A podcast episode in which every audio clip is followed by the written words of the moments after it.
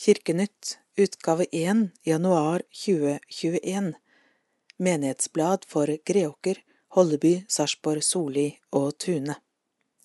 Dette er lydutgaven som produseres av KAB, Kristent arbeid blant blinde og svaksynte, og det er Eløyre Groven som leser. Fastetiden, en tid for å feste grepet. Fastetiden er som en slags vårrengjøring. Gjennom fastetiden blir lyset sterkere og dagene lengre. Under snøen forbereder naturen seg på at livet skal spire. Opp til Jerusalem Jerusalem ligger høyt i landskapet. Fra alle kanter er veien en oppoverbakke. Fastetidens gudstjenester ser med ulike blikk på Jesu vei oppover mot Jerusalem. Se, vi går opp til Jerusalem, til byen med glans og ære, for Frelseren sa oss at der Han er, skal vi ved Hans nåde få være. Vers fire i Salme 117 i Norsk salmebok. Nå går vi mot den siste søndagen i fastetiden. Johannes-teksten spenner buen langt utover fottrinn i støv og ulendt terreng, her er det et himmelløft. Slik Moses løftet slangen i ørkenen, slik må menneskesønnen bli løftet opp for at hver den som tror på ham, skal ha evig liv. Johannes 3, 11–16 Sannelig, sannelig sier jeg deg. Vi taler om det vi vet og vitner om det vi har sett, men dere tar ikke imot vårt vitneutsagn. Hvis dere ikke tror når jeg taler til dere om det jordiske, hvordan kan dere da tro når jeg taler om det himmelske? Ingen annen er steget opp til himmelen enn Han som er steget ned fra himmelen, menneskesønnen som er i himmelen. Og slik Moses løftet opp slangen i ørkenen, slik må menneskesønnen bli løftet opp, for at hver den som tror på ham, skal ha evig liv. For så høyt har Gud elsket verden at han ga sin sønn, den enbårne, for at hver den som tror på ham ikke skal gå fortapt, men ha evig liv. Fastetiden er en forberedelse til Jesu død og oppstandelse, som er grensesprengende og helt ubegripelig. Fasten er en tid for å gripe fast i det som er umistelig for troen. For noen er dette en tid for å koble seg fra innarbeidede vaner, for andre er det å koble seg til det som er aller viktigst. Faste, en tid for stillhet, en tid for konsentrasjon, en tid for å ta imot. Sarpsborg kirke Mange kirker har gudstjeneste askeonsdag, ofte med tegning av askekors. I Sarpsborg kirke er det gudstjeneste på askeonsdag klokken 19, og videre hver onsdag i fastetiden til samme tid. For askeonsdag har Den norske kirke denne bønnen. Barmhjertige Gud, du kan sette oss fri fra synd og forgjengelighet. Vi ber deg, Lær oss å holde faste slik du vil. Gjør oss utholdende i bønnen, trofaste i kjærligheten og helhjertet i kampen for rettferd. Gi verden håp ved Jesu Kristi kors, Han som med deg og Den hellige ånd lever og råder, en sann Gud, fra evighet til evighet. Amen. Teologisk hjørne Livet er skjørt ved vikarprest Berit Vassdal. En stor del av arbeidsdagen i jobben som prest er å møte mennesker i krise og sorg. Mennesker som har mistet en av sine kjære, opplever en krise når en viktig del av livet deres blir tatt fra dem. Det kan være etter lang tids sykdom, der den pårørende på en måte har vært forberedt på hvilken vei det gikk, men det kan også være etter akutt sykdom der de ikke rekker å ta farvel, før det plutselig er over. Noen kriser får oppmerksomhet i media, og andre får aldri avisenes forsider. Katastrofen i Gjerdrum lammet en hel nasjon. Vi gråt med ofrene, de pårørende og alle involverte, og tente lys og ba der vi var, og håpte at letemannskapene skulle finne overlevende. Den 17. februar er det askeonsdag begynnelsen på fastetiden. Der hvor det er gudstjeneste den dagen, kan du komme frem foran alteret, bli tegnet med et askekors i pannen og høre ordene Husk, menneske, at du er støv, og at du skal vende tilbake til støvet.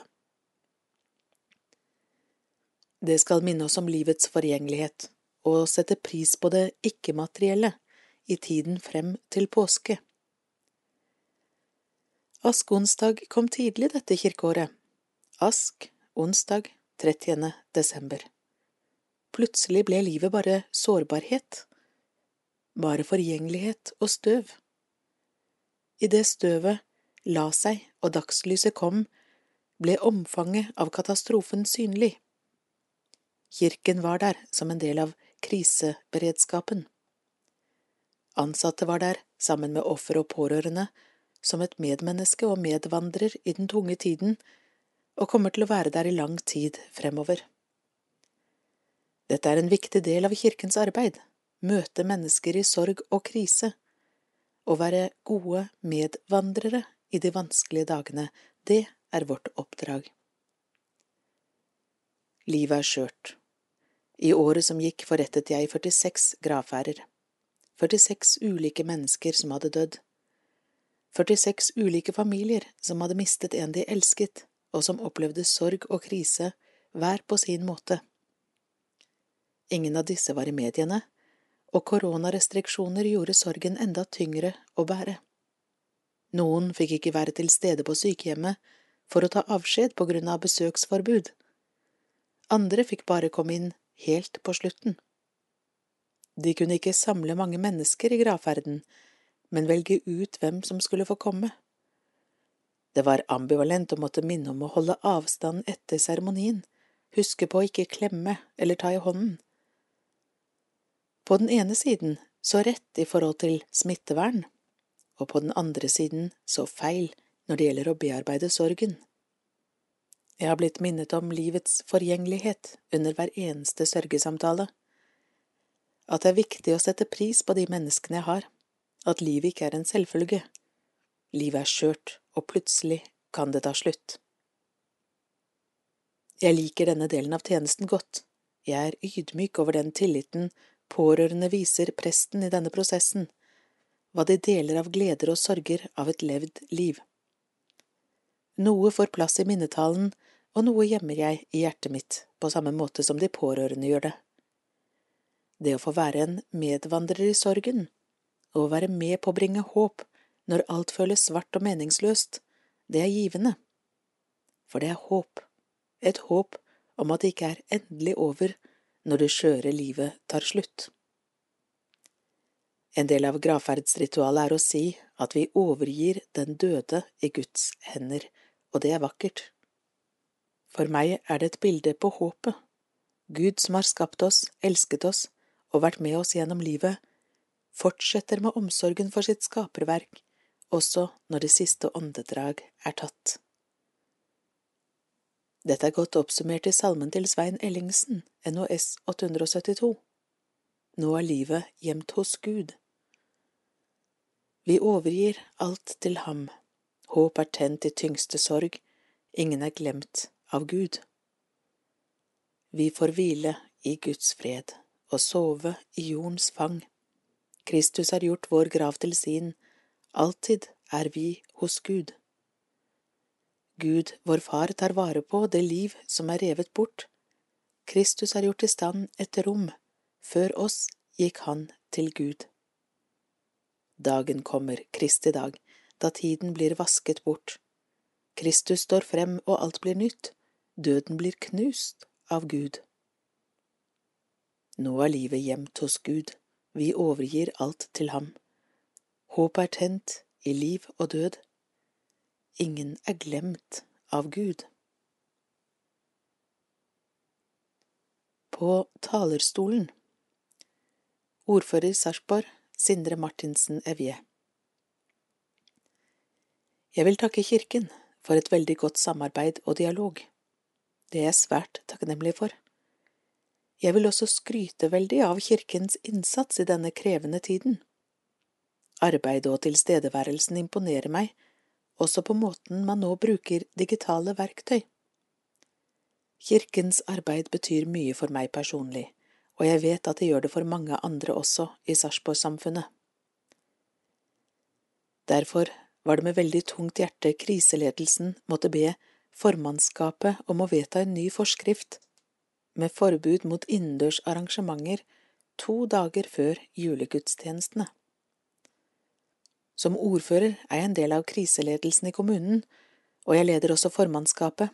Jeg står inne for at avgjørelsen var riktig, selv om den var tung å ta. Jeg visste at kirken hadde forberedt gudstjenestene godt, og at de hadde gjort alt de kunne for å ivareta smittevernhensynene. I Sarpsborg var det ikke avdekket smitteutbrudd i forbindelse med noen arrangementer i kirkene, men Sarpsborg hadde de siste to ukene før julaften hatt 440 smittede per 100 000 innbyggere, og var dermed blant de hardest rammede kommunene i Norge. For at kommunen ikke lenger skal være rød på Folkehelseinstituttets oversikter, må antall smittede være mindre enn 25 per 100 000 innbyggere. 16% av smittetilfellene i Sarpsborg var såkalt villsmitte, det vil si at de har ukjente smitteveier. Med 149 smittetilfeller var uka før jul den verste siden koronautbruddet startet i mars. Det var en økende tendens av smitte ved offentlige arrangementer. Utbrudd i helseinstitusjoner hadde gitt alvorlig syke pasienter, og flere var innlagt på sykehus. Videre var mange medarbeidere i karantene, noe som ga store utfordringer for driften av tjenestene. De to utbruddene i Norge for Kristus og Bless kristne senter hadde i stor grad bidratt til de høye smittetallene den siste tiden. Søndagen før jul ble det også avdekket smitte i en tredje menighet. Av andre utbrudd som skjedde samtidig med utbrudd i menighetene, var ni gjester og seks ansatte ved Dickens som hadde testet positivt, i tillegg kom smittede nærkontakter. Ni smittetilfeller kunne spores tilbake til arrangement på Sarpsborg scene. Gitt smittesituasjonen, hvor man så en villsmitte og økt smitte ved ulike typer arrangement, var et tidsbegrenset forbud ikke et uforholdsmessig inngrep. Tiltakene var vurdert ut fra et smittevernfaglig ståsted å være egnet til å redusere risikoen for videre smitte i lokalbefolkningen og redusere risikoen for at man kommer i en situasjon hvor smitten kommer ut av kontroll. Etter dette forbudet har ikke kommunen opplevd smitte på arrangementer så langt. Senere har regjeringen også innført forbud mot flere enn ti personer på arrangementer innendørs, dog etter jul. Jeg skjønner at mange ble skuffet, og det er menneskelig og helt forståelig. Jeg hadde også gledet meg til å gå i kirken på julaften.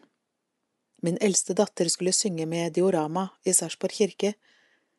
Det ble det naturligvis ikke noe av, men det ble en fin digital gudstjeneste likevel, og diorama fikk delta på denne, da det ble tatt opp i forkant. Kirken har alltid vært god til å omstille seg, syns jeg. Kirken finner alltid en løsning og er innovative. Jeg hadde en god dialog med kirkevergen og vil takke ham for et veldig godt samarbeid. Bli gjerne med på dugnaden. Det enkleste for mange er VIPS, og våre menigheters VIPS-nummer finner du under. Kanskje dette også er en fin anledning til å vurdere å bli fast giver gjennom å bidra i en månedlig givertjeneste. Om dette skulle være interessant, ta gjerne kontakt med menighetskontoret. Når man er fast giver, får man også registrert alle gaver i løpet av året, og det gis melding til skatteetaten slik at man får skattefradrag for donert beløp. Bli gjerne med på denne dugnaden også. Vips til våre menigheter. Greåker 13 24 3 Holleby 11 54 37 Soli 72 337 Tune 131 67 Sarpsborg 50 235 Bli med i givertjenesten. Det er mange måter å bli en deltaker i en menighet på. De fleste tenker nok på en eller annen form for frivillig arbeid som deltakelse i menighetenes virksomhet og liv. Mange finner dyp mening ved å finne sin plass i sammenhengen på denne måten.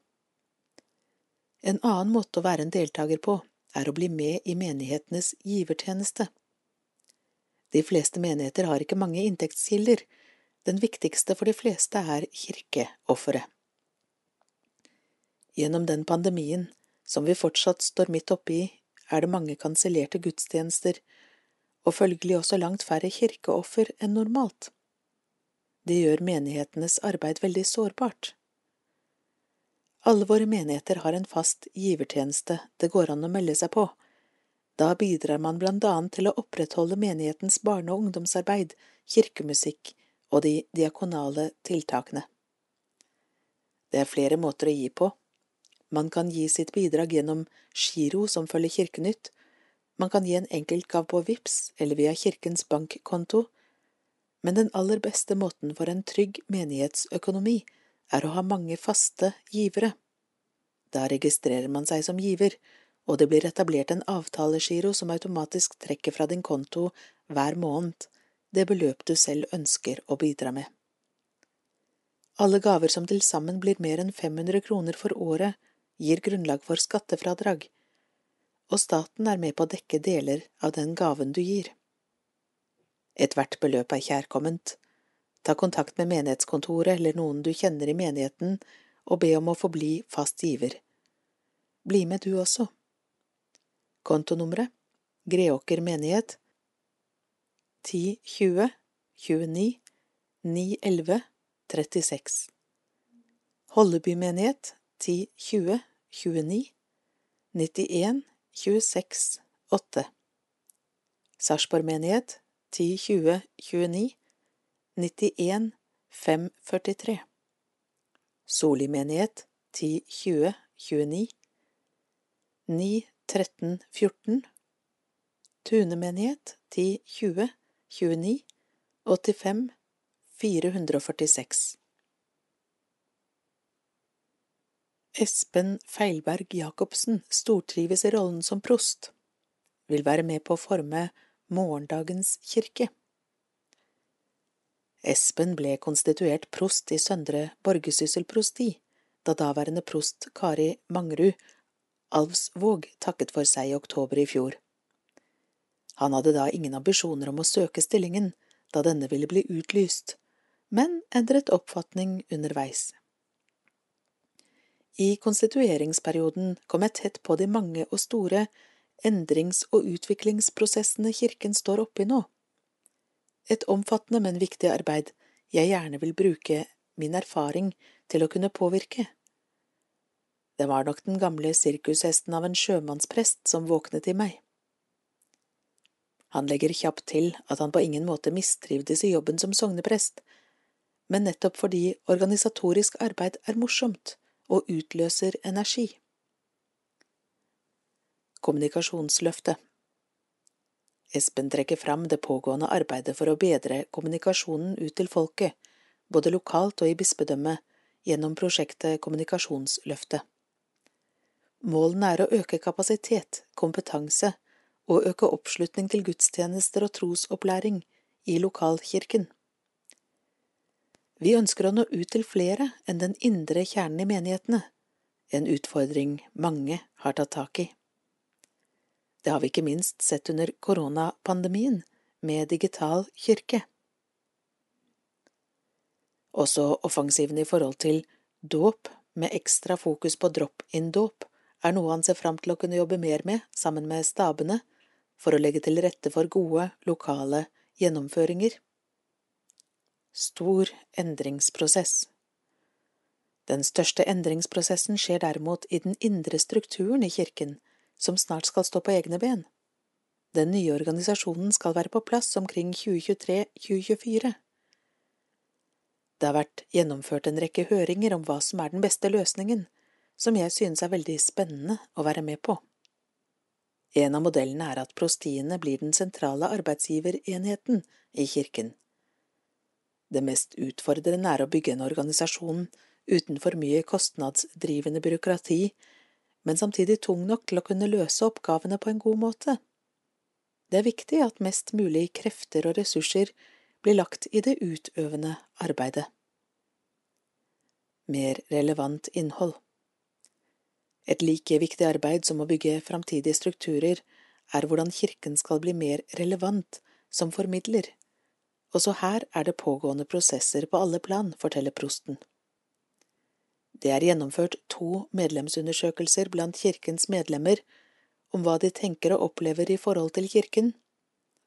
Denne kunnskapen skal brukes til å hjelpe prester og andre medarbeidere til å bli mer relevant i forkynnelsene, språkbruken osv. Undersøkelsene viser at det er spesielt de i aldersgruppen 20 til 40 år det er vanskeligst å trekke til seg, og at et viktig arbeid framover blir nettopp hva som skal til for at kirken blir mer viktig for denne aldersgruppen og deres barn. Han mener det er avgjørende at prestene er synlige og tilgjengelige der folket befinner seg, og trekker fram prestene i Gjerdrum under raskatastrofen som et godt eksempel. De henvendte seg direkte til folket, og kirken ble en naturlig møteplass i den tunge tiden. At Den norske kirke fortsatt står sterkt i det norske samfunnet, har vi også sett gjennom hele pandemien, påpeker han. Oppslutningen om de enkle, daglige digitale utsendelsene er stor. Det viser at mange har stor glede av innslagene i en ellers kaotisk hverdag.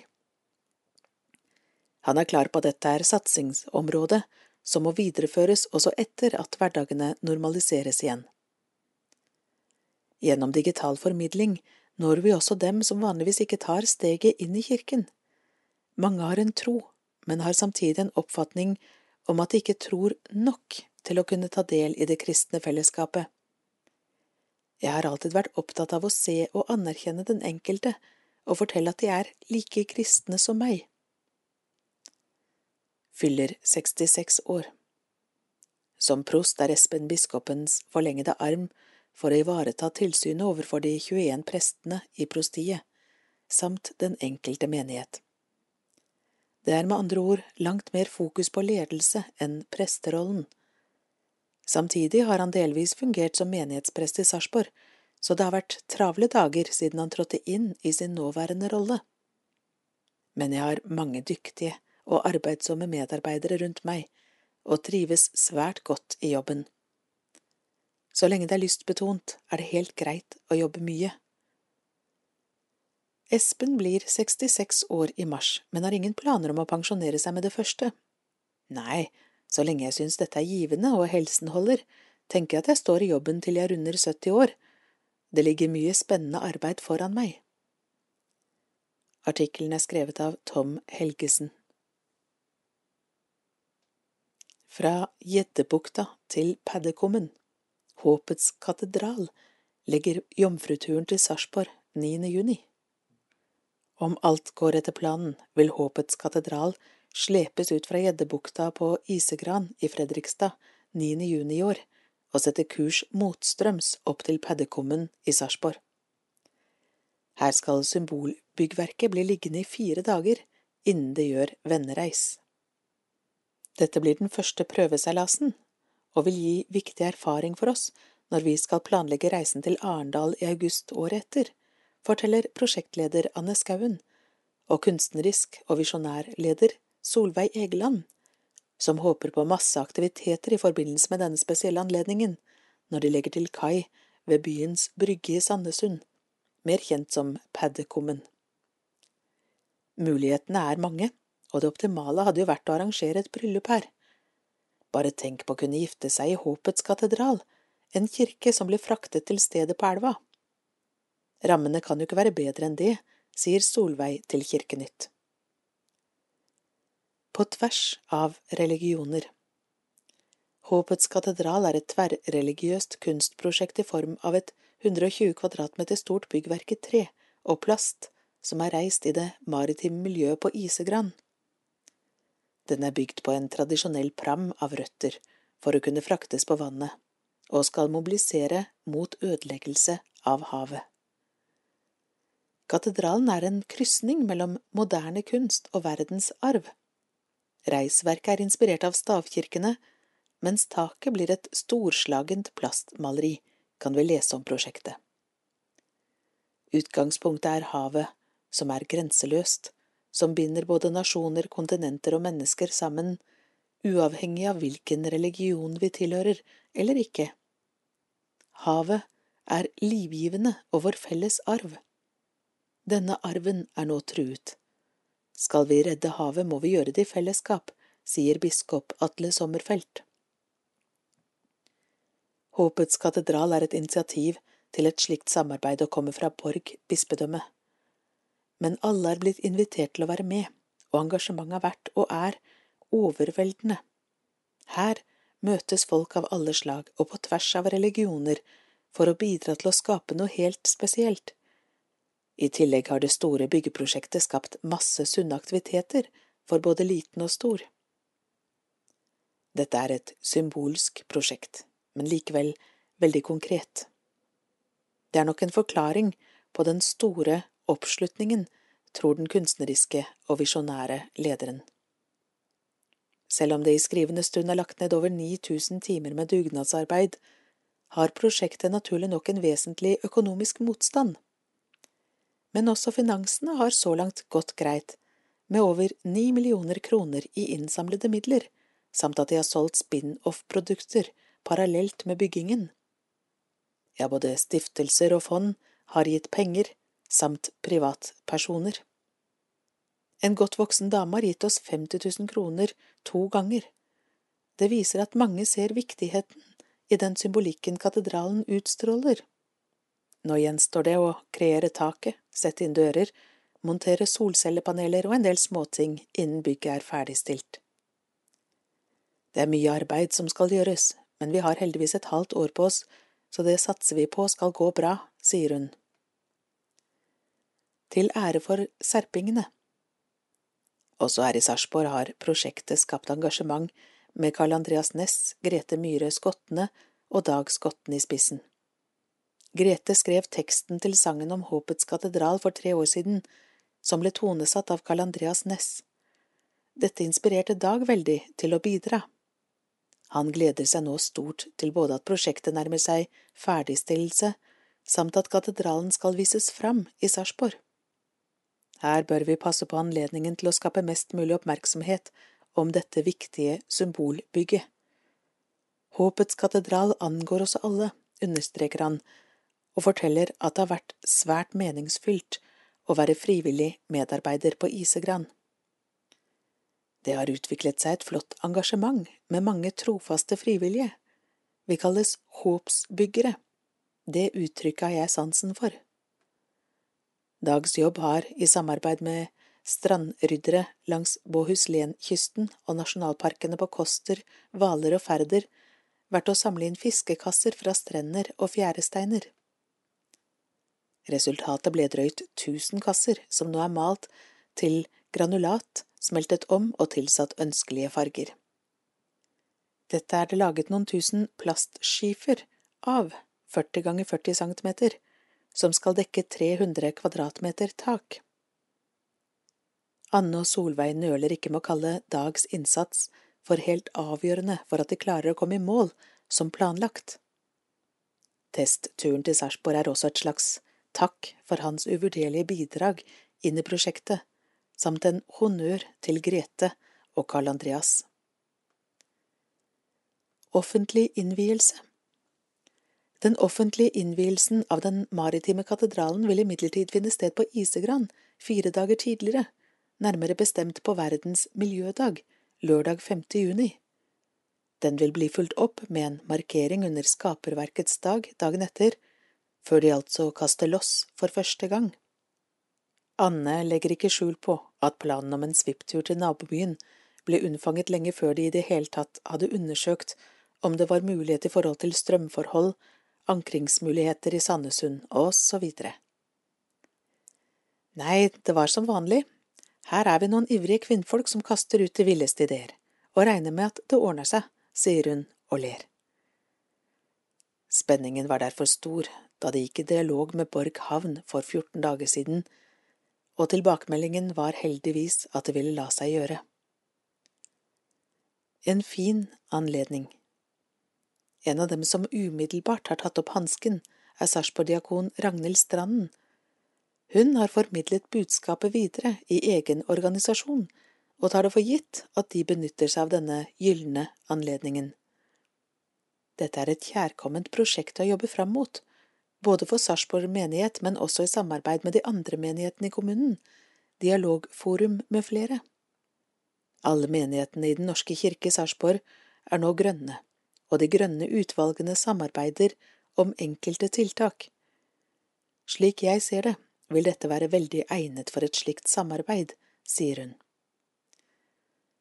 Konfirmantene bør også få ta del i dette, da den planlagte ankomsten for Håpets katedral trolig sammenfaller med mangfoldsdager i Sarpsborg. Så får vi håpe at mange er vaksinert, og at dette viruset ikke har så hardt grep om hverdagen vår lenger når det nærmer seg sommeren. Det gir i tilfelle mange spennende muligheter.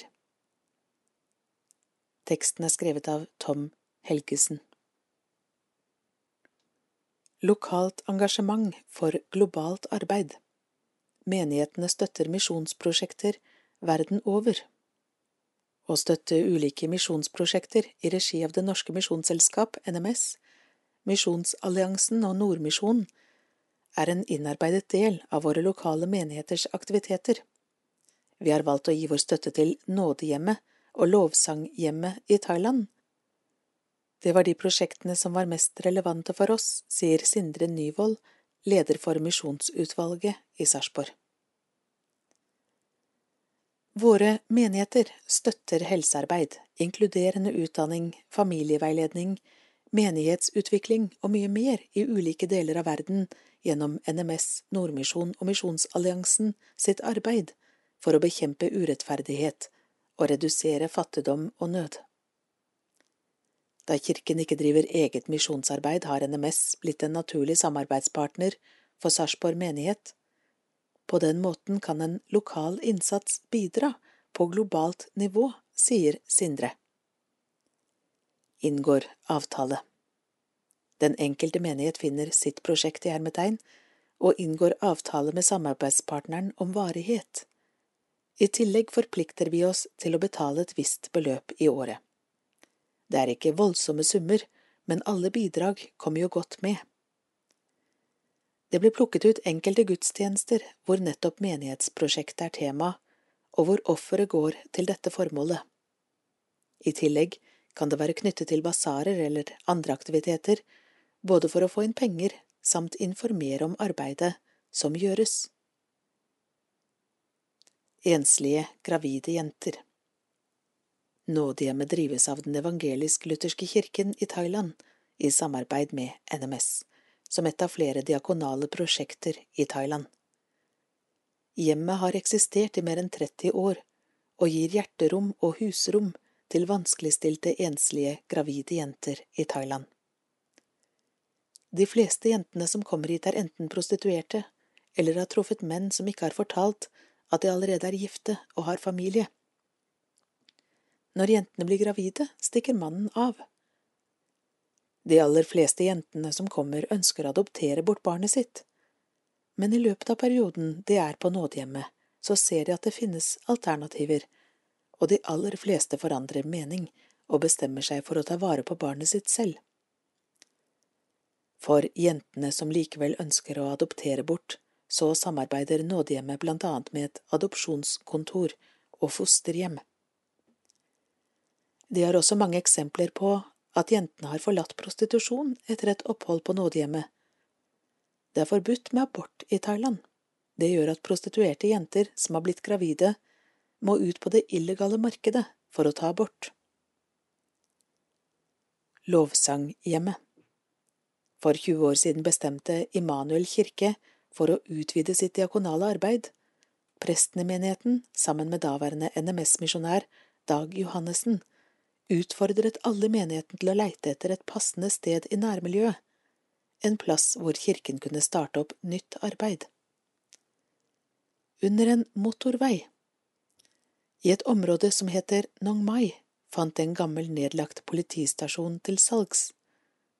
En velstående engelskmann kjøpte bygningen som en gave til kirken, og medlemmer i menigheten deltok på dugnad for å pusse opp. Senteret fikk navnet Lovsangshjemmet, og etter ønske fra folk i nabolaget så ble det startet opp en fritidsklubb og en småbarnsbarnehage. For 20 år siden hadde få mennesker i Nong Mai hørt om Jesus, enda færre hadde hørt om Immanuel kirke. I dag er det helt annerledes. Nesten alle kjenner til Jesus, og gjennom arbeidet Immanuel kirke og lovsangshjemmet driver, så får de oppleve Guds godhet og kjærlighet. Misjonsalliansen i Ecuador Holleby menighet støtter Misjonsalliansens arbeid på flere felter familie, helsearbeid, inkluderende utdanning, klima og miljø, rettighetsarbeid og menighetsarbeid. Vi kan spesielt nevne prosjektet Centros Crer, to dagsentre for barn med nedsatt funksjonsevne. Misjonsalliansen jobber også for å sikre den utdanningen disse barna har rett på.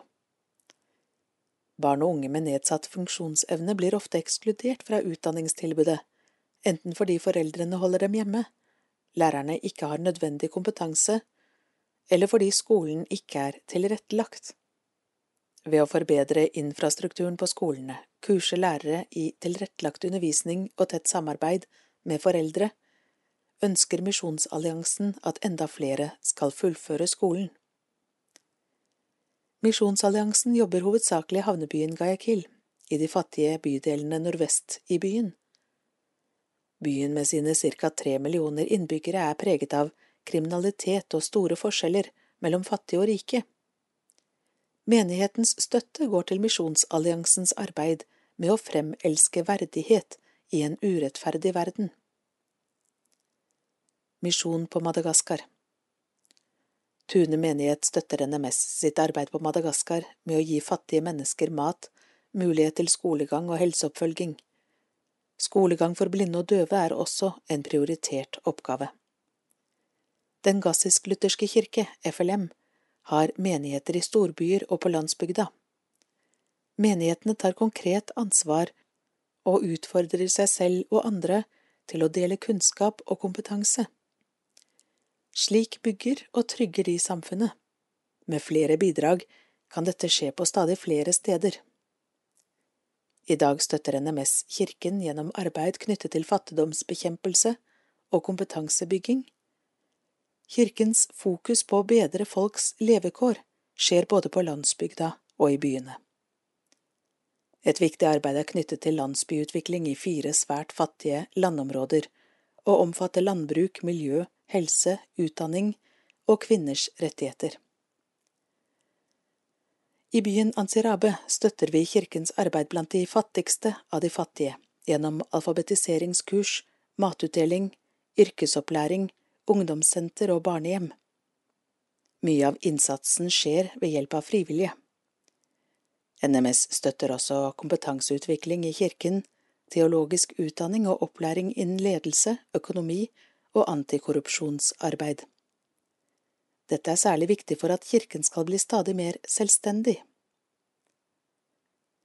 Helsearbeid i Nepal Nepal har vært rystet av jordskjelv og har lenge hatt stor fattigdom, høy barnedødelighet og diskriminering. Nordmisjon er til stede gjennom lokale partnere for å bygge opp helsetjenester for fattige og marginaliserte folkegrupper. Nordmisjon ønsker også å bidra til at barn med psykiske og fysiske funksjonsnedsettelser får et verdig liv gjennom hjelp på dagsenter. Solli menighet støtter Nordmisjon sitt arbeid med å sikre fattige mennesker helsehjelp, blant annet ved å støtte Okaldunga sykehus og et eget pasientstøttefond. Nordmisjon er en viktig støttespiller til Okaldunga sykehus som drives av United Mission to Nepal. Sykehuset, som ligger åtte mil fra Mount Everest, er det eneste i et område hvor det bor over 250 000 mennesker. Sykehuset har over 1200 fødsler i året og tilbyr gratis tjenester for barn under 12 kilo. Sykehuset er også blitt et senter i Øst-Nepal for resistent tuberkulose.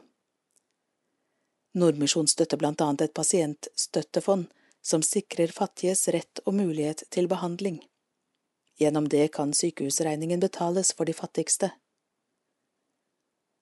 Misjonsarbeid i Estland Greåker menighet støtter blant annet kristent mediearbeid for ungdom, menighetsplanting og kirkebygging i Estland i regi av NMS. Her blir det drevet et spennende kristent mediearbeid av og for ungdom. Ungdommene når mange gjennom magasin og sosiale medier, og rekrutterer talenter innen media til å bruke sine evner i kristen sammenheng. Det er store behov for å bygge opp igjen levende kirker der folk faktisk bor. Derfor er NMS også involvert i menighetsplanting og kirkebygging. NMS har både misjonærer og ettåringer i Estland. Det er svært få kristne i Estland, det er et av de mest sekulariserte landene i verden på grunn av kommunistisk styre i 50 år. Mange av kirkene ble revet eller brukt til lager, museumsbygg eller forretningslokale. Den estiske lutherske kirken har nå endelig fått en økonomisk kompensasjon for de okkuperte kirkene, og har noen få kirker under bygging. Barnesiden ved Eileen Stang, Håvard Øyestad Løvik, Kristin Tollefsen og Inger Marie Syverstad Hagen. Tips til foreldre og besteforeldre I dag fikk jeg lyst til å gi dere voksne et trosopplæringstips som er veldig lett. Bruk tid med barna og barnebarna deres. Hvis barna våre ikke opplever at vi interesserer oss for de tingene som er viktige for dem, så vil det være vanskelig for dem å tro oss eller forstå oss om vi forteller dem om en Gud som er med dem i alle ting. Andakt Tid I fastetiden synes jeg man kan ha bedre tid til hverandre, fordi man kan velge å faste fra ting som stjeler vår tid. Vi har det beste forbildet når det gjelder å bruke tid på andre, det er Jesus. Han har alltid tid, han, uansett hvor du er eller når på døgnet det er, så sitter han klar for å lytte til deg, og han elsker å være sammen med deg. Tune kirke Der skjer det noe for deg som fyller åtte eller ni år i år. Lørdag 20. mars klokken 11 til 16 og søndag 21. mars 10.15 til 12. Dette er en superhemmelig beskjed til deg som fyller åtte eller ni år i år. Og Greåker kirke for deg som fyller fem eller seks år i år. 25. januar, 1. februar og 8. februar klokken 16.30 til 18. På plakaten Aktiviteter for barn Null til ett år, Greåker kirke, onsdager klokken 11 Sarpsborg kirke torsdager klokken 11. Sang og kos for babyer og far og mor. Info kirken.no skråstrek Sarpsborg. Greåker Marianne Ervum 990 30 011 og Sarpsborg Karl Andreas Næss 922 17 505. Ett til fire år småbarnssang. Greåker kirke onsdager klokken 17.30 til 18.30 sang for de minste barna sammen med en eller flere voksne. Info kirken.no skråstrek Sarpsborg. Marianne Ervum 990 30 011 Ett til fem år Barnesang. Sarpsborg kirke onsdager klokken 17 til 17.30 Sang, rim, regler og ulik rytme. Sunniva Berg er kursholder.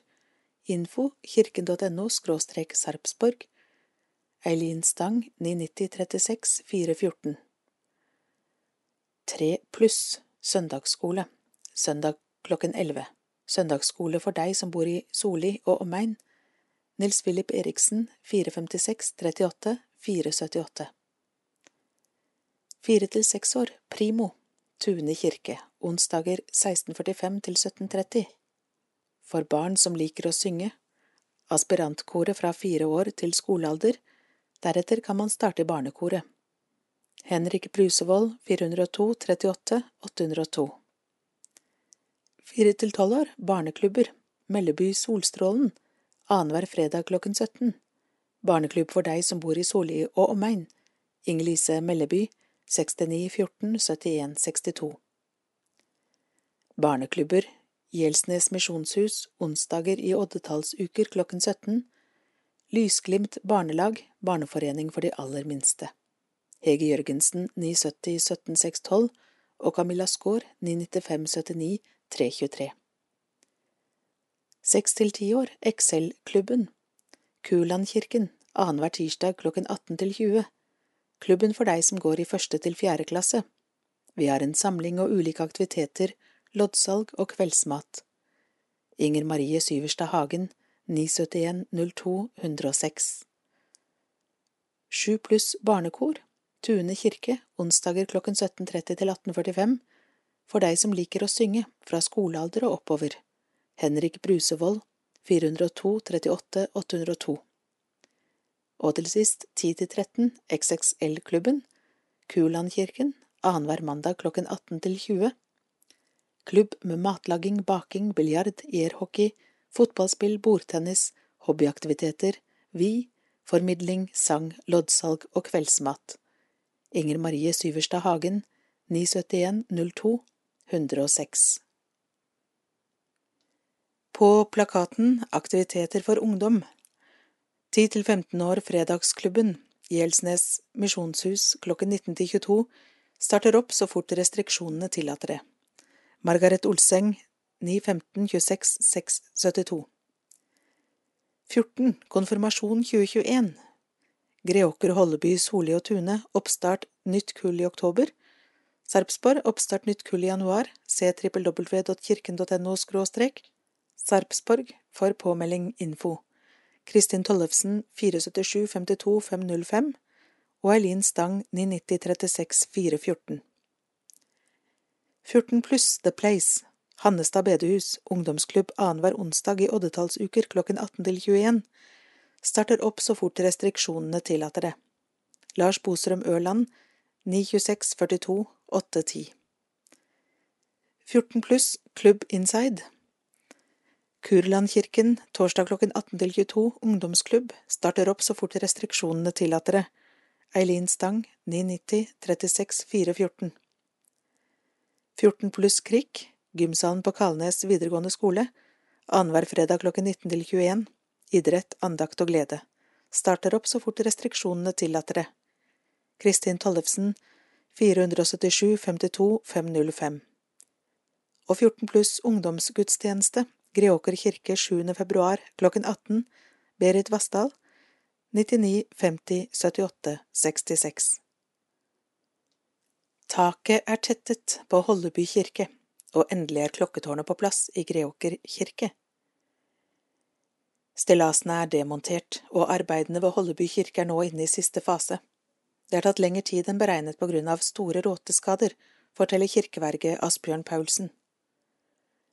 Etterslepet på vedlikehold på norske kirker er betydelig, og våre lokale kirkebygg er intet unntak, men nå har både Skjebergdalen kirke og Holleby kirke fått betydelige bygningsmessige og visuelle løft. Varteig har fått et par malingsstrøk, og klokketårnet på Greåker kirke er omsider på plass. Vi er godt i gang, men fortsatt er det mye å ta i, sier kirkevergen til Kirkenytt. Overraskende mye råte. Budsjettet for oppgraderingen av taket på Holleby var 1,8 millioner kroner, men sluttregningen vil bli høyere enn som så.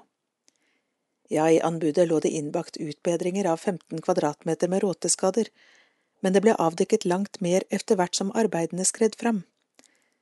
Ikke minst var taksperrene i langt dårligere forfatning enn vi hadde forutsett etter befaringene. Vi har ikke fått sluttregningen ennå, men den blir en del høyere enn det som var budsjettert.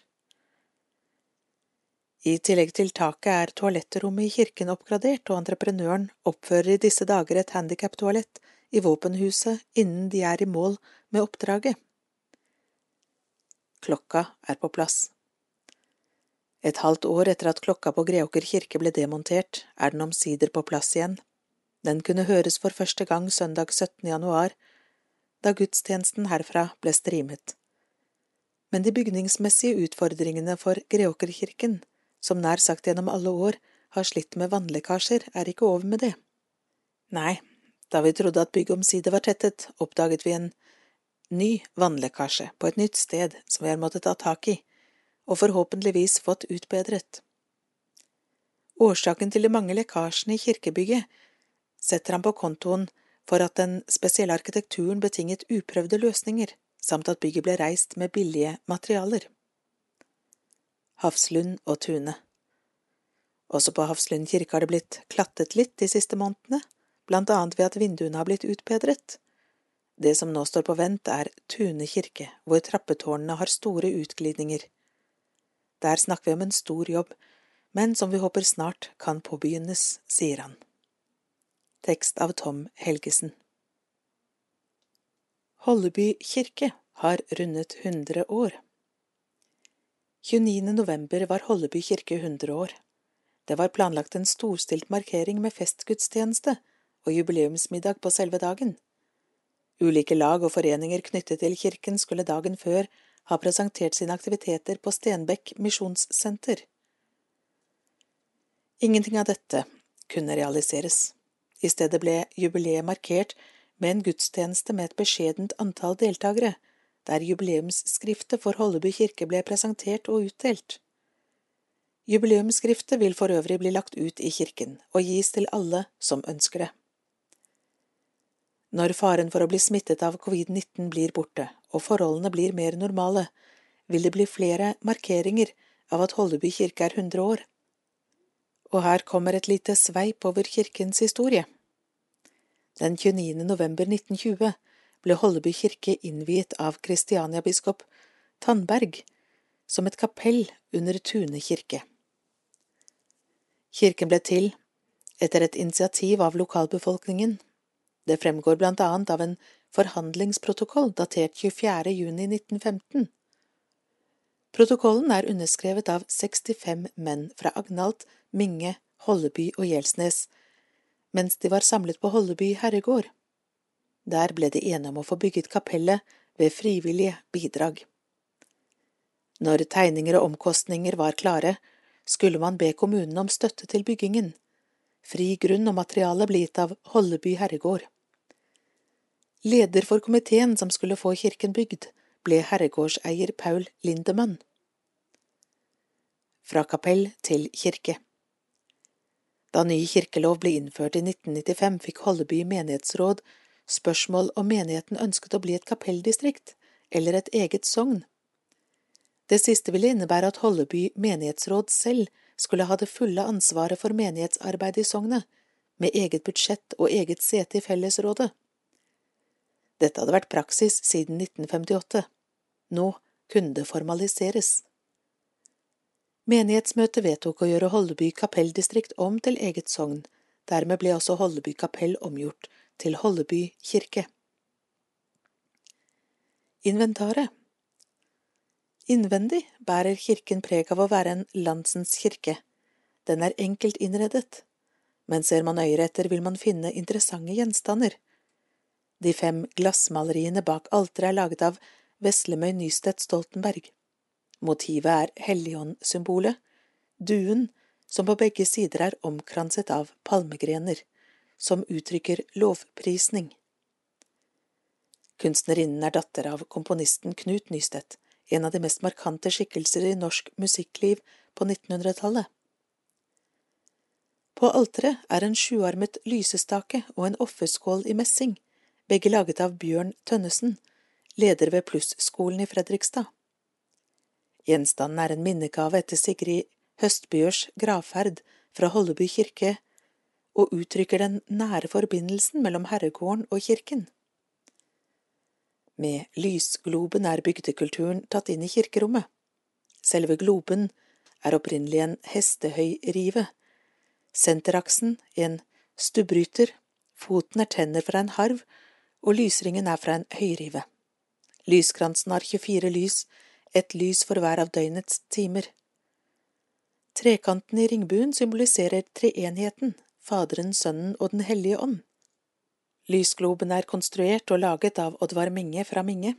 Foranledningen var en pengegave etter Jens Pinås, tidligere kirketjener Klokker i Holleby og medlem i menighetsrådet. Stor innsats, beskjedne ressurser. Det var allerede et aktivt menighetsliv i Øvre Tune, da kapellet ble innviet. De frivillige kristne organisasjonene på Agnalt, i Minge, Holleby og Gjelsnes samlet seg til oppbyggelse i hjemmene. Den nære forbindelsen mellom organisasjonene og den offisielle kirken fortsatte etter at kirken ble bygd, og har vært der hele tiden.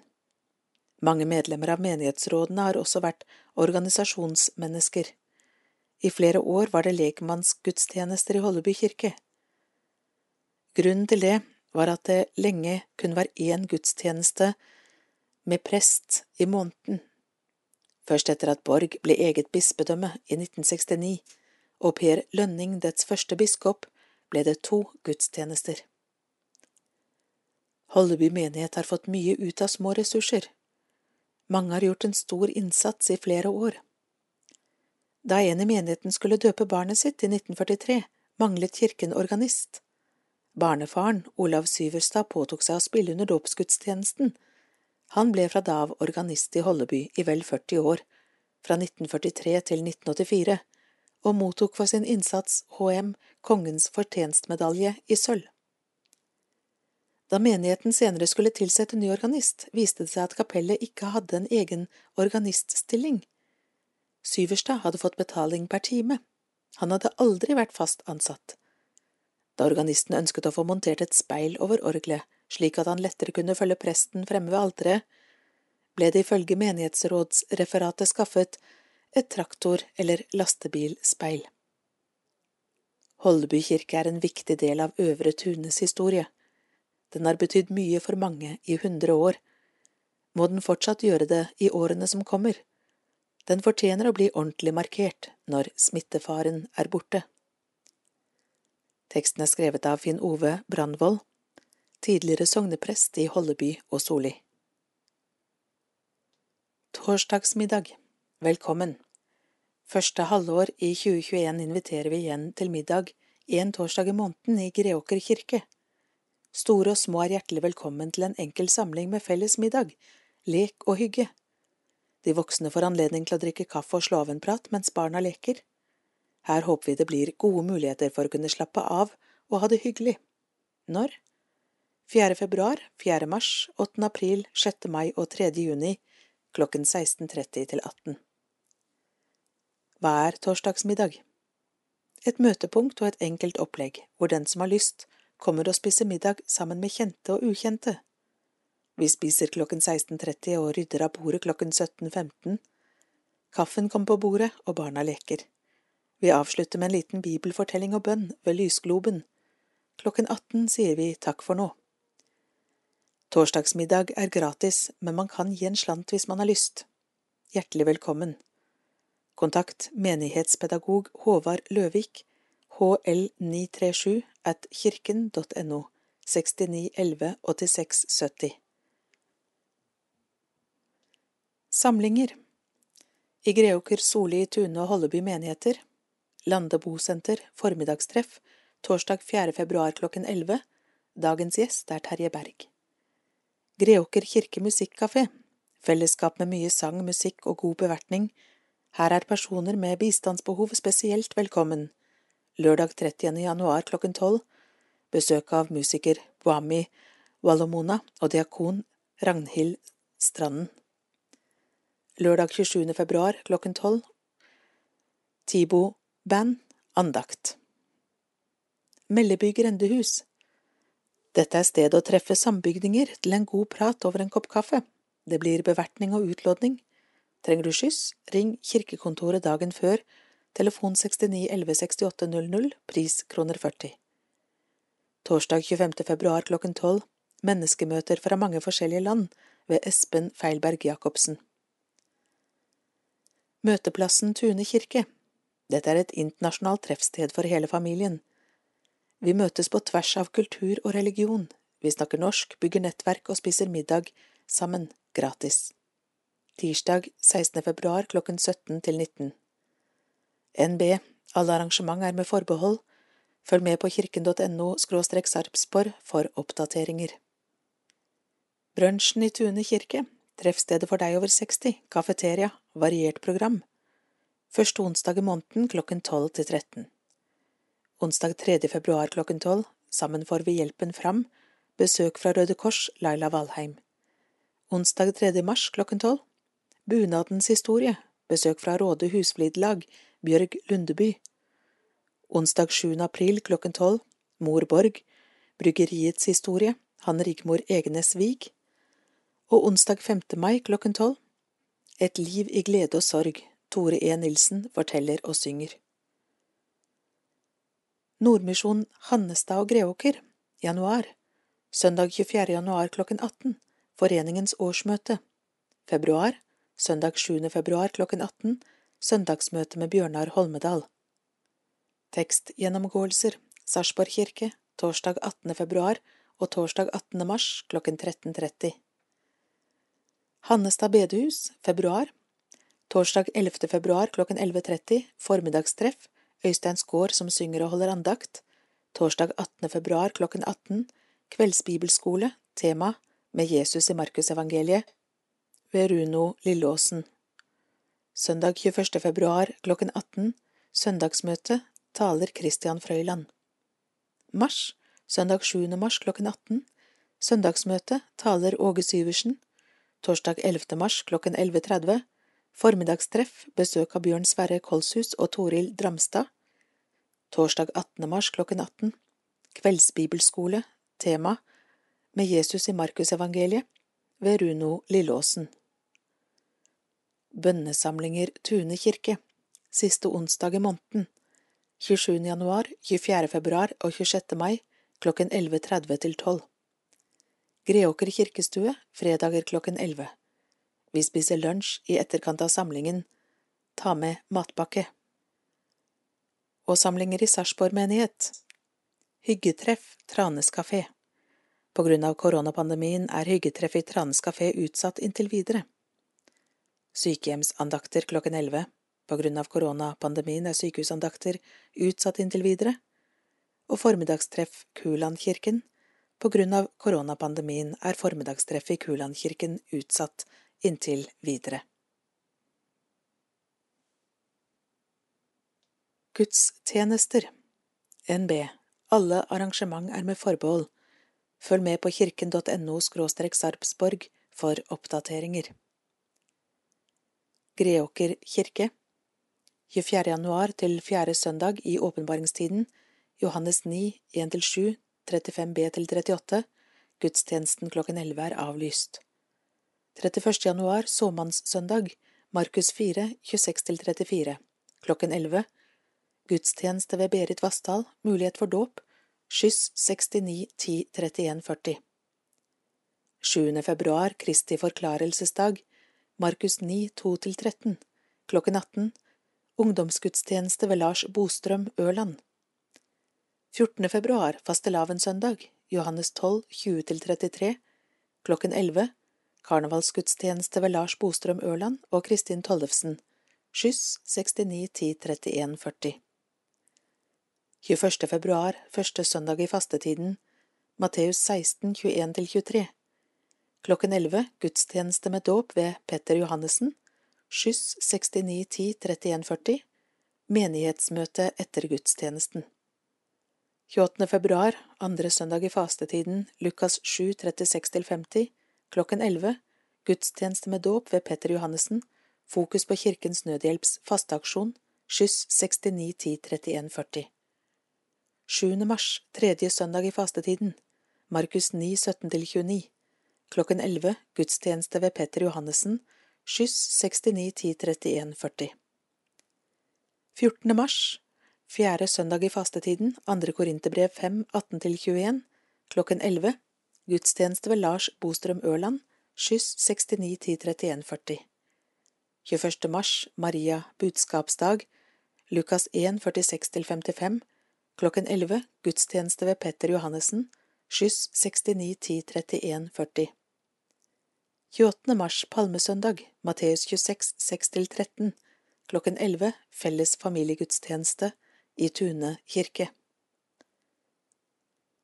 Holleby kirke 7. februar Kristi forklarelsesdag Markus 9, 2–13 Klokken 11 gudstjeneste ved vikar, skyss 6914 8842 21. februar, første søndag i fastetiden, Matteus 16, 21–23, klokken 11, gudstjeneste ved Lars Bostrøm Ørland, skyss 69 14 88 42.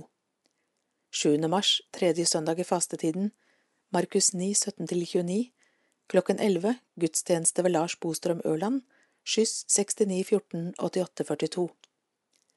21. mars, Maria budskapsdag, Lukas 1, 46–55. Klokken 11, gudstjeneste ved Lars Bostrøm Ørland, fokus på Kirkens Nødhjelps fasteaksjon, skyss 69 14 88 42. 28. mars, palmesøndag, Matteus 26, 6–13, klokken 11, felles familiegudstjeneste i Tune kirke. Soli kirke 24. januar, fjerde søndag i åpenbaringstiden, Johannes 9, 1–7 og 35 B–38 Gudstjenesten klokken 11 er avlyst for publikum, men blir streamet på kirkens Facebook-side. 14. februar fastelavnssøndag, Johannes 12, 20–33 Klokken 11 gudstjeneste ved Berit Vassdal. 17. februar askonsdag, Matteus 12, 38–42 Klokken 19.30 Fellesgudstjeneste ved Berit Vassdal. 28. februar andre søndag i fastetiden, Lukas 7, 36–50, klokken 11 gudstjeneste ved Berit Vassdal. 14. mars, fjerde søndag i fastetiden, andre Korinterbrev 5, 18–21, klokken 11 gudstjeneste ved Berit Vassdal, fokus på Kirkens Nødhjelps fasteaksjon. 28. mars, palmesøndag, Matteus 26, 6–13, klokken 11, felles familiegudstjeneste i Tune kirke. Tune kirke 24. januar, fjerde søndag i åpenbaringstiden, Johannes 9, 1–7 og 35 B–38, gudstjenesten klokken 11 er avlyst. 31. januar, såmannssøndag, Markus 4, 26–34, klokken 11, gudstjeneste ved Lisbeth Heie Gregersen, skyss 401 68 460. 7. februar, Kristi forklarelsesdag, Markus 9, 2–13, klokken 11, Gudstjeneste med dåp ved Lisbeth Heie Gregersen, Espen Olsen trompet, skyss 401 68 460. 14. februar, fastelavnssøndag, Johannes 12, 20–33. Klokken 11, gudstjeneste ved Lisbeth Heie Gregersen, korene i Tune kirke deltar, skyss 401 68 460.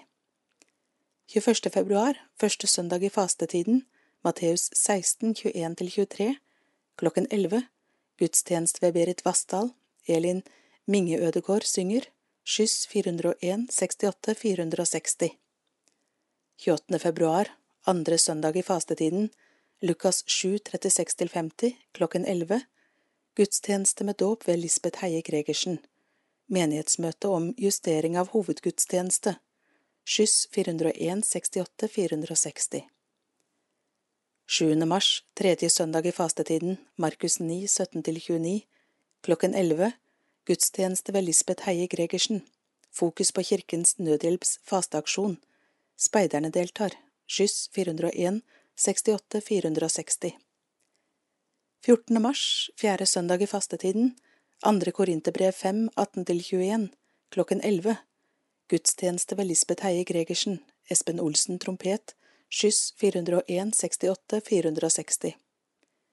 21. mars, Maria budskapsdag, Lukas 1, 46–55, klokken 11, tårnagentgudstjeneste ved Berit Vassdal og Håvard Løvik, skyss 401 68 460.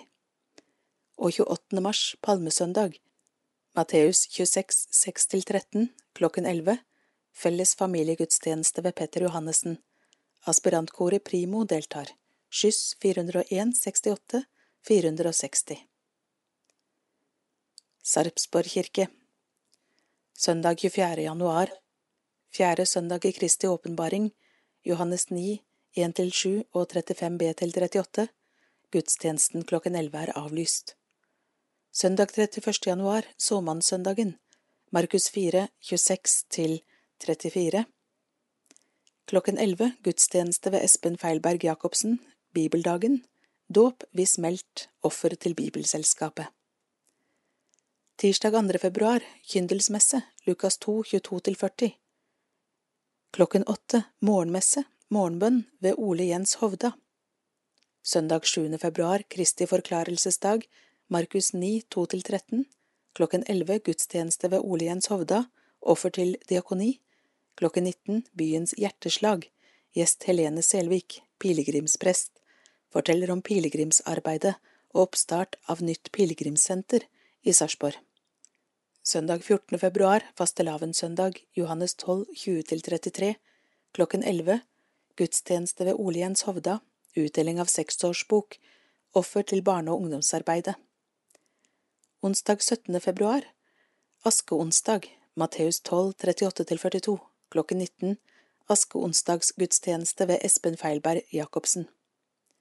Søndag 21. februar, første søndag i fastetiden, Matteus 16, 21–23, klokken 11, gudstjeneste ved biskop Atle Sommerfelt og Espen Feilberg Jacobsen, innsettelse av ny prost, offer til menighetsarbeidet. Onsdag 24. februar klokken 19, kveldsgudstjeneste i fastetiden ved Ole Jens Hovda. Søndag 28. februar, andre søndag i fastetiden, Lukas 7, 36–50, klokken 11, gudstjeneste ved Ole Jens Hovda, offeret til barne- og ungdomsarbeidet. Tirsdag 2. mars klokken 8, morgenmesse morgenbønn ved Espen Feilberg Jacobsen. Onsdag 3. mars klokken 19, kveldsgudstjeneste i fastetiden ved Ole Jens Hovda. Søndag 7. mars, tredje søndag i fastetiden, Lukas 7, 36–50 klokken 11, gudstjeneste ved Ole Jens Hovda, offer til menighetsarbeidet. Onsdag 10. mars klokken 19, kveldsgudstjeneste i fastetiden ved Espen Feilberg Jacobsen. Søndag 14. mars, fjerde søndag i fastetiden, andre Korinterbrev 5, 18–21, klokken 11, gudstjeneste ved Espen Feilberg Jacobsen, offer til menighetsarbeidet. Onsdag 17. mars klokken 19, kveldsgudstjeneste i fastetiden ved Ole Jens Hovda. Søndag 21. mars, Maria budskapsdag, Lukas 1, 46–55 klokken 11, gudstjeneste ved Espen Feilberg Jacobsen, offer til menighetsarbeidet. Onsdag 24. mars klokken 19, kveldsgudstjeneste i fastetiden ved Espen Feilberg Jacobsen. Hva skjer i korene? Tune kirke 14. februar, korene synger på gudstjeneste. Tune kirke palmesøndag, gudstjeneste AK Primo deltar. Rolvsøy kirke 25. mars og Tune kirke 28. mars. BK og PK framfører musikal om Hans Nilsen Hauge. Nye medlemmer får gratis medlemskap våren 2021. Se www.korene.no. Samlivsbrudd Veien videre Tanker, bekymringer i forbindelse med samlivsbrudd kan ta mye oppmerksomhet og energi, det er normalt. Sorg og tap er smertefullt, men det finnes håp midt i det som er vanskelig. Å møte andre som har opplevd det samme kan være til stor hjelp. Har du behov for et trygt fellesskap i en liten gruppe, der du kan sette ord på følelser og tanker rundt samlivsbruddet? Trenger du hjelp til å se egne ressurser og få håp om fremtiden. Tilbudet er livssynsåpent og gratis. Se www.sorgogomsorg.org eller kontakt Kjersti Kjelle, telefon 480 97 747, eller Katrine Skjærdal, telefon 473 72 355, e-post katrine.skjærdal eller stavet k-a-t-h-r-i-n-e punktum s-k-j-e-r-d-a-l alfakrøll sarpsborg.com alt med små bokstaver. For informasjon eller påmelding Sorg og omsorg i Sarpsborg. Grønn spalte Natur pluss miljø pluss kirke er lik grønn menighet. Sarpsborgs menigheter er grønne menigheter. Fair trade, gir det noen mening? Å være grønn menighet er å ta vare på jorden og forvalte godt det som er her. Å være grønn menighet er å huske på det ansvaret vi har for jorda vår, ikke bare naturen, men også for menneskene som bor her. Hver dag utsettes jeg for mange valg. De siste ukene har vi møysommelig valgt hvem vi skal tilbringe tid sammen med. De valgene vi har tatt, har vi tatt for å unngå smittespredning. skulle ønske vi kunne vært sammen med flere i løpet av jula, men vi valgte å følge anbefalingene fra regjeringen. Hvorfor? Jo, fordi vi må ha ned antall smittede av korona, og fordi vi vil tilbake til et mer normalt liv igjen. Et annet valg er når jeg står i butikken. Skal jeg velge Fairtrade-bananer eller vanlige bananer? Skal jeg velge Fairtrade-kaffe eller vanlig kaffe? Husker du Max Havelar, elefanten? Fra 1988 har Fairtrade vært merkevaren for rettferdig handel. Fairtrade er en internasjonal merkeordning som styrker bønder og arbeidere i fattige land gjennom handel. Enkelt sagt, når vi handler mer, da påvirker vi mer. Fairtrade bidrar til økonomisk trygghet, skolegang, bærekraftige jordbruksmetoder og likestilling. I 2012 fikk jeg besøke Guatemala. Der traff jeg Anna Dominga, en vakker dame som forteller at etter at kaffeplantasjen ble Fairtrade sertifisert, så har hun råd til at alle fem ungene går på skolen. Før visste hun aldri hvor mye hun fikk i lønn. Nå vet hun at selv når kaffeprisen er på det laveste, så er hun sikret en inntekt som gjør at hun har råd til å betale skolepengene til barna. Men hvorfor er ikke alt Fairtrade da? Fairtrade er en internasjonal merkeordning. For å komme gjennom nåløyet er det mange krav som skal oppfylles. Fairtrade-standardene omfatter sosiale, miljømessige og økonomiske krav. De bidrar til et bærekraftig jordbruk, og for bøndene og arbeiderne ivaretar det både menneske- og arbeidsrettigheter og en sosial og økonomisk utvikling. Alle har verken kapasitet eller økonomi til å kunne bli en del av en slik merkeordning, men for dem som er med, så er det et stort skille mellom før og etter. Men hjelper dette, da? Kanskje har du hørt at ikke alle kravene alltid oppfylles? Det er klart at av og til feiles det. Av og til er det en produsent som skulle mistet sertifiseringen sin før han gjør det. Sånn er det. Er vel ikke alle som skulle hatt sertifikat på bil heller, men de har det allikevel. Det som er helt sikkert, er at for Anna Dominga og de andre arbeiderne så gir dette en livsviktig forandring i deres liv, og ikke bare i denne ene familien sitt liv. Det er ikke bare Anna sine barn som får skolegang. De andre som jobber på plantasjen, har også barn på skolen. Anna vet at når barna lærer å lese og skrive, så er det en vei ut av fattigdom. Det betyr en stor forskjell. Å være grønn menighet er å ta vare på seg selv og det som er rundt oss. Dagens grønne tips er Kjøp Fairtrade. Ta en titt i butikkhyllene. De fleste dagligvarer har i hvert fall bananer, kaffe, noen krydder og appelsinjuice som Fairtrade. Finner du det ikke, så etterspør det. Og du? Som en ekstra bonus så kan det nevnes at Fairtrade-produkter også er økologiske.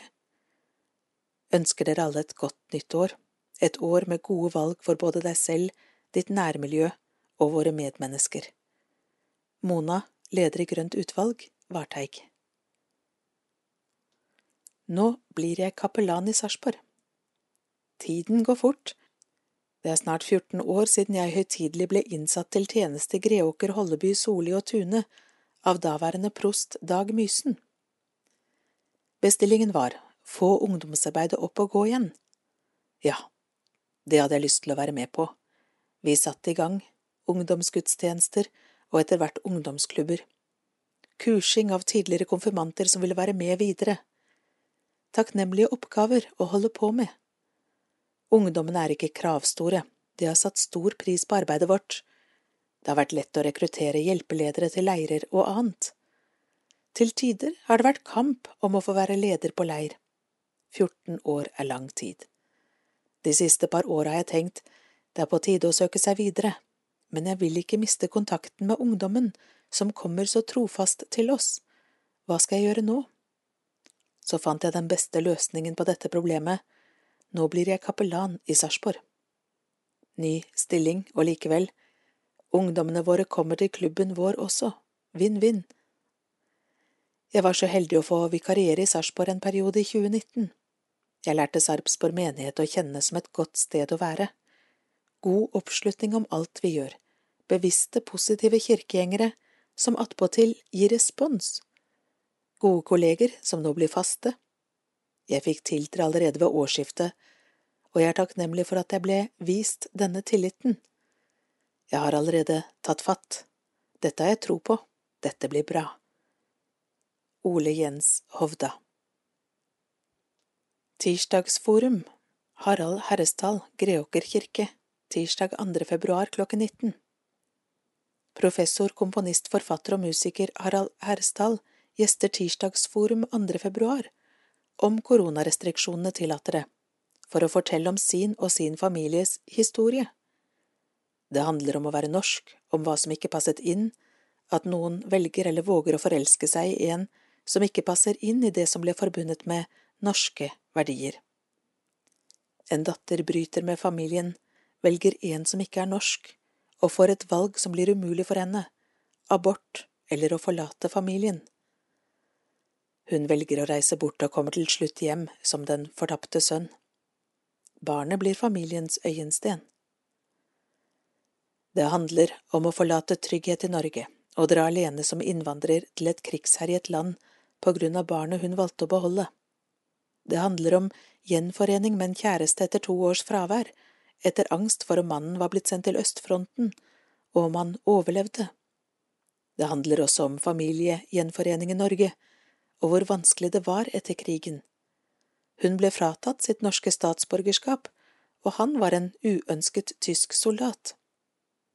Det handler om kloke norske foreldre som så hva som ville skje etter krigen, og om kloke tyske svigerforeldre som tok imot en svigerdatter med sønnens uekte barn.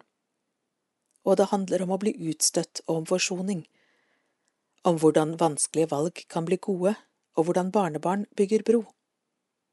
Det handler ikke minst om forbudt kjærlighet som er like vanskelig i dag, når grensene settes for hva som er akseptert, kjønn, religion eller etnisitet. Og det handler om kjærlighet som overvinner alt, selv en krig. Harald Herresdal er også en betydelig salmekomponist med flere flotte melodier i salmeboken. Vi vil som musikalsk innslag denne kvelden synge flere av hans salmer, ledsaget av ham selv. Tirsdagsforum resten av våren HN Hauge-jubileum 16. mars Klimautfordringer og sanger for et varmere samfunn Greåker kirke tirsdag 16. mars klokken 19 i år er det 250 år siden Hans Nilsen Hauge, 1771 til 1824, ble født. Det har vært hevdet at han er den enkeltpersonen som har hatt størst innflytelse på norsk kirke og kristenliv. Reformasjonen kom til Norge på 1500-tallet, men den folkelige reformasjonen kom først med bondesønnen fra Tune i Østfold. Det er nok en overdrivelse, men Hauge har hatt stor betydning, både i kirke og samfunn. Han skapte den første store vekkelsen i Norge, og han var samtidig en næringslivsgründer som innevarslet det moderne Norge. I foredraget 16. mars vil professor i kirkehistorie Hallgeir Elstad se nærmere på Hauges virksomhet, med vekt på hans rolle som religiøs og samfunnsmessig fornyer. Sunniva Berg vil synge salmer på norske folketoner. 13. april kommer trioen Blå, Helga Johanne Størdal, Sindre Eide og Åge Reite til Greåker kirke for å fremføre sanger for et varmere samfunn. Og 1. juni får vi et ekstraordinært tirsdagsforum i anledning FNs miljødag 5. juni. Da vil Dag Skottene holde foredraget Natur og miljø fra avmakt til håp og engasjement. Ole Martin Huser Olsen vil som kortreist musiker spille for oss. www.tirsdagsforum.no Konfirmanter fra 1970 Det er konfirmanter fra høsten 1970 og våren 1971, fra gamle Tune kommune. Den gang kunne det samme årskullet velge høst- eller vårkonfirmasjon. Disse var til stede ved gudstjeneste i Tune kirke søndag 11. oktober, og vi hadde en hyggelig samling etterpå på Quality Hotel. Anne Grete Slettevold, Annelise Ekeberg, Else Berit Svendsen, Leif Gunnar Hansen, Else Karin Holstangen, Elsie Torgunn Knutsen, Gunn Aagaard, Hilde Haugli Lemtun, Inger-Lise Borger Karlsen, Irene Adamski, Jorunn Sjøren, Judith Elvestad Christoffersen, Marit Fjellberg, Marita Stenmoen, Mona Christensen, Mona Merete Sognlien, Per Anders Aas, Reidar Tveter Johansen, Sigrid Sandtangen, Sissel Hansen, Terje Winther, Anne-Elisabeth Winther, Tommy Karlstad, Tove Irén Andresen, Unni Kolberg og Åge Brattås. Livets gang. Døpte. Greåker menighet. Thea Berntsen Andersen Andreas Bekken Søberg Pernille Salomonsen Olavesen Lykka Lette Arnesen Hiller. Tune menighet. Olivia Wallin Gjestad Alvin André Glende Sofia Amelia Vollberg Jevons Håkon og Henry Borge Tvete Ada Tønnesen Gullteig Sarpsborg menighet Astrid Wæler Ottersen Vilma Gulbrandsen Pettersen Ulrik Larsen Vassvik. Vigde Soli menighet Lill Anita Lindqvist Mathisen og Jon Erik Stave. Døde Greåker menighet Tordis Lorentzen Bodil Marie Yven Åse Irene Berntsen Tore Gunnar Minge Solveig Røldal Jorunn Ida Westgård Rolf Ivar Hansen Tom Willy Andreassen Egil Langvik Knut Olavesen Einar Hovland Egil Eriksen Ragnar Johannes Aas Ruth Lisbeth Pedersen Tor Andersen. Solli menighet Trond Runar Tinnlund Sarpsborg menighet Anne Beate Kons Wenche Viola Gundersen Anne Mari Kjus Jan Pedersen Annelise Ottesen Wenche Solberg Stine Marie Reiersen Tom Christiansen Ragnar Torleif Larsen Rolv Sigurd Johannessen Terje Bråten Olsen Per Ivar Drøbak Stein Yngvar Andresen Tor Jonny Johansen Edin Viktil Ruth Berit Nilsen Kåre Sorteberg Ragnhild Stenerstrød Greta Synnøve Johansen Birger Johan Haugen Inger Elisabeth Jensen Jonny Endre Bernhard Wilhelmsen Knut Ditlev Ramtvedt Egil Peder Daa Broholm Jon Pettersen Ingrid Helene Lunde Geir Bodil Lid Jonny Hansen Helge Larsen Elsa Pauline Fjellberg Reidun Irene Johannessen Annelise Tangen Ruth Solveig Johansen Gro Sigfrid Johansen Tune menighet Gunnar Bolæren Hansen Else Holmberg Rita Lisbeth Lasken Jacobsen Inger Grete Nilsen Else Synnøve Gjelsnes Jan Knut Minge Rolf Lorang Bjerknes Bjørn Thomassen Trenger du noen å snakke med? Prester og diakoner har taushetsplikt og er vant til å snakke med mennesker om deres liv. Enkelte tror kanskje at det må være en spesiell religiøs problematikk for å samtale med en prest eller en diakon, men det er ikke nødvendig. De er trente samtalepartnere som er vant til å møte mennesker til å snakke om alle spørsmål i livet. Tjenesten er gratis, og det er som regel kort ventetid for å slippe til. Har du noe på hjertet som du trenger å lufte med et menneske under full diskresjon, ta kontakt. Ta kontakt per telefon til vårt sentralbord og be om å få snakke med en prest eller en diakon, så vil de formidle videre kontakt. Telefon 69 11 68 00 Frivillig i kirken Ellen Ottersen Seip Nestleder av menighetsrådet i Sarpsborg og leder av gudstjenesteutvalget Ellen har deltatt i gudstjenester siden hun var 13 år. De var en ungdomsgjeng i Oslo som møttes i den lokale kirken på søndag og gikk på tur etterpå. Det har gitt meg lang erfaring med gudstjenestelivet og mange meninger om hva som er en god gudstjeneste.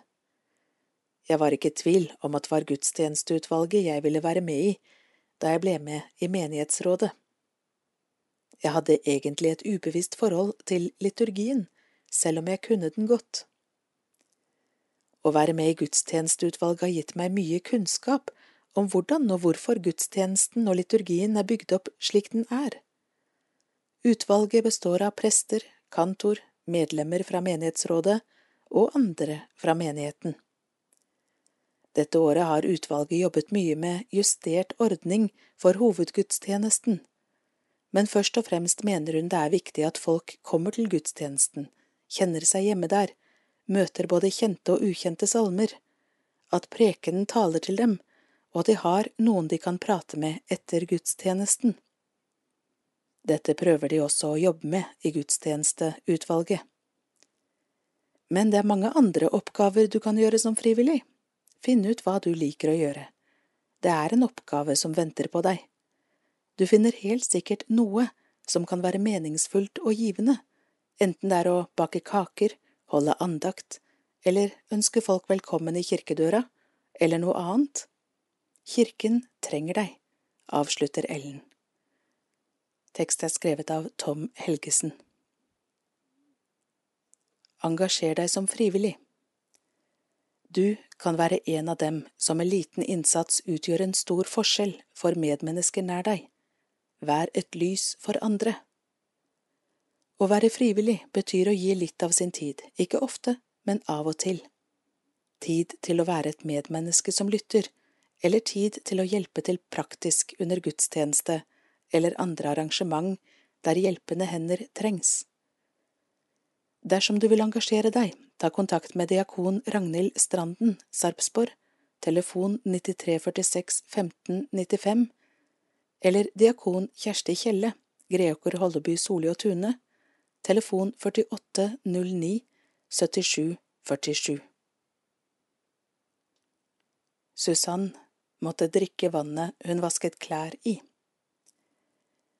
For seksbarnsmoren Susann Miambo, 35 år, var rent vann kun en fjern drøm. Alt vannet hun trengte til mat, drikke og klesvask, måtte hun hente i en skitten elv. Vi er i landsbyen Casa Laolo i Zambia i et område hvor flere tusen flyktninger fra Kongo har søkt tilflukt. Her bor Susann sammen med de seks barna sine i et lite hus med strå på taket. Tunge kanner, med høner som flakser rundt bena hennes, et barn på armen og et som holder i skjørtekanten, forteller hun om timelange gåturer for å hente vann før de fikk rent vann til landsbyen. Mangel på vann ga oss mange helseproblemer. Elva var vår nærmeste vannkilde, og den var både skitten og full av bakterier. Vi var veldig ofte syke, forteller hun. Alternativet var å gå langt med tunge kanner. Flere timer måtte hun bruke for å hente rent vann. Det var det ikke alltid tid til med seks barn å ta seg av, derfor ble vannet fra elva ofte den enkleste løsningen. Vannet hun vasket klær i, drakk, badet barna i og lagde mat med vannet hun delte med dyr og insekter. Vi måtte gå store avstander for å komme til vannkilden, og det var vanskelig for familien min å få til det, forklarer hun. Brønn som endret alt. Susann tar oss med inn i huset sitt, der det er mange på liten plass. Litt av plassen er satt av til oppbevaring av fisk og den populære grønnsaken cassava, som smaker nesten som en potet.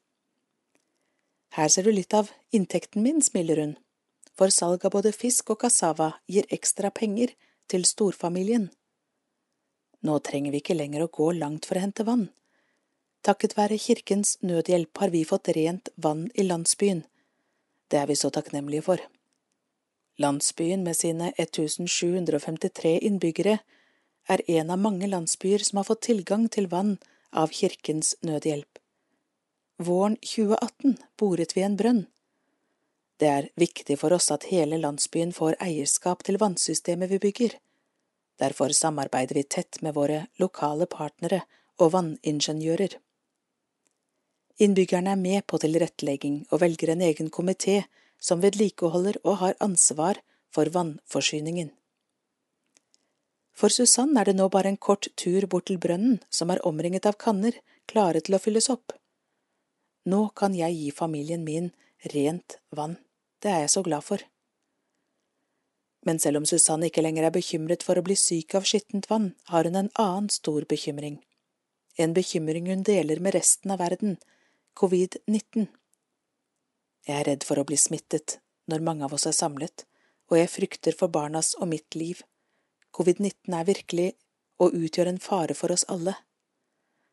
Spesielt er hun bekymret for lange køer ved vannpumpa, for i landsbyen er det mange som setter pris på rent og trygt vann, og etterspørselen er derfor stor.